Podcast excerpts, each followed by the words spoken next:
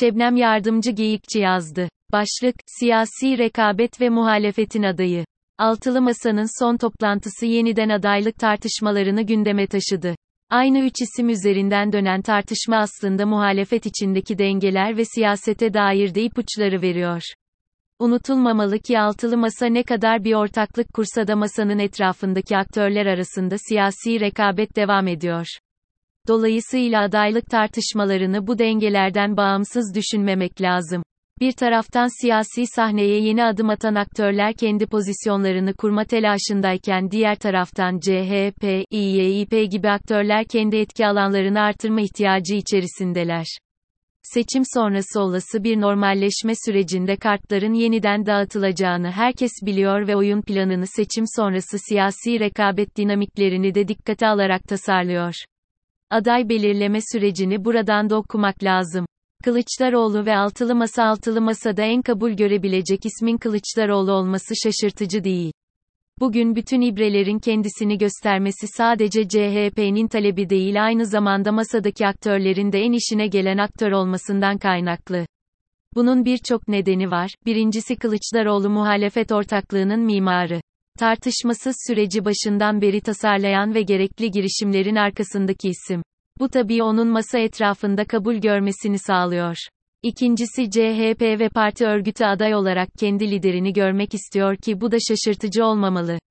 Kendisini geçiş dönemi sonrasına hazırlayan Akşener ve İYİP içinde Kılıçdaroğlu tercih edilen bir isim çünkü geçiş dönemi sonrasında siyaseti bırakacağını süreci CHP lehine değil muhalefetin hamisi konumunda götüreceğini defalarca ima etti. Dolayısıyla geçiş dönemi sonrasında İYİP'in birinci parti hayalini güçlendiriyor.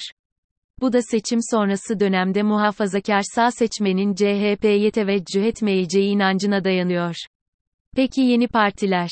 Deva ve Gelecek Partileri için önümüzdeki seçimler çok kritik çünkü her iki aktör de henüz toplumun ne kadarını ikna edebilecekleri bilgisine sahip değil.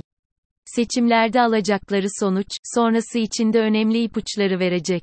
Her iki parti de normal bir siyasi rekabete geçildiğinde etkin olabilmek için süreci kendini değil idealleri ön plana çıkaracak birinin yanı Kılıçdaroğlu'nun yürütmesini tercih edecektir.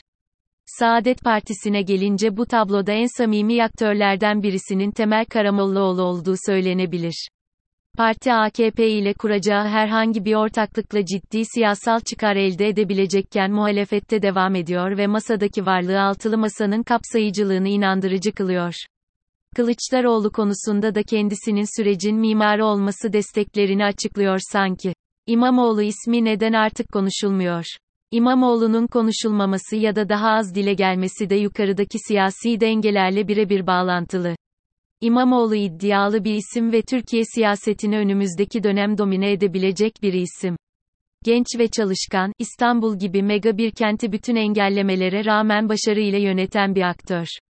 Kreş projesi, yurt projesi, metro inşaatları, kültür sanat faaliyetleri ile İstanbul'da alternatif bir iktidarın neler yapabileceğinin ipuçlarını veriyor. Ben masadaki CHP hariç bütün aktörler için böyle bir ismin tehdit oluşturabileceğini düşünüyorum. İYİP için seçim sonrası dönemde de etkisini gösterebilecek ve muhafazakar sağ seçmeni de etkileyebilecek bir isim makbul görülemez. Küçük aktörler için kendilerinden daha popüler bir isim onların siyasi alan açmasını zorlaştıracaktır. Dolayısıyla siyasi rekabetin normalleşmesiyle kendilerini gölgede bırakacak bir aktöre dönüşebilecek bir isim onlar tarafından tehdit olarak algılanabilir. İmamoğlu'nun aday olabilmesinin yolu ise CHP'nin onu sahiplenmesi ve kazanacak aday olarak ön plana çıkarmasıyla mümkün. Bu formül masa üzerinde toplumsal baskı yaratıp İmamoğlu'nun önünün açılmasını sağlayabilir. Fakat parti içi dinamikler ve parti örgütü bugün Kılıçdaroğlu adaylığını yeliyor görünüyor. Dolayısıyla böyle bir strateji izlemek istemiyor. Bütün bu nedenlerle İmamoğlu'nun adını gün geçtikçe daha az duymaya başlıyoruz. Fakat önümüzdeki dönemde kamuoyu yoklamalarında herhangi bir değişiklik ibreyi yeniden kendisine çevirebilir. Peki Mansur Yavaş? Mansur Yavaş kanımca İYİP için ideal aday ve İYİP'in adayı. Ne kadar Ankara Belediyesi seçimlerinde CHP ile seçime girmiş olsa hiçbir zaman CHP'li olmamış ve bunu da farklı şekillerde ifade etmiş biri. Nokta. Yavaş aynı zamanda ülkücü gelenekten geldiğini gururla taşıyan biri. Bugün radikal milliyetçi sağdan ziyade İYİP'in çizgisine daha yakın bir yerde durduğu bir gerçek olsa da Yavaş muhafazakar sağ seçmenin adayı. Dolayısıyla Yavaş'ın adaylığı, bütün bu tabloda İYİP'in pozisyonunu güçlendirecektir.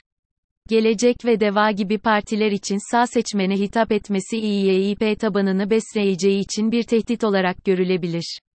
CHP için ise Yavaş'ın adaylığı olumsuz görünüyor.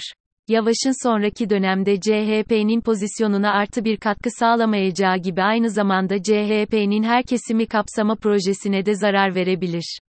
Son tahlilde CHP'li olmayan bir aday partinin yeni dönemdeki etkisini de azaltacaktır. Bütün bu nedenlerin dışında yepyeni Türkiye tahayyülünü gerçekleştirmek için amaçlanan geçiş sürecini muhafazakar sağ bir aktör yerine herkese konuşabilen bir aday tarafından yönetilmesi Kürt meselesi için de önemli. Dolayısıyla Yavaş'ın adaylığı ve seçilmesi durumunda Cumhurbaşkanlığı pozisyonunu alması kapsayıcılık iddialarını zedeleyebilir. Önümüzdeki seçimler Türkiye siyasi tarihinin en önemli seçimleri. Bunun birçok nedeni var ama en önemlisi bugün ülkenin hukuk devleti olma özelliğini tamamen yitirmesi ve dolayısıyla herhangi bir muhalif varlığın korunma ihtimalinin giderek azalması. AKP'nin yeni bir seçim zaferi elde etmesi rejimin aradalık haline tamamen son verip otoriter bir rejim inşa etmesinin önünü açacaktır.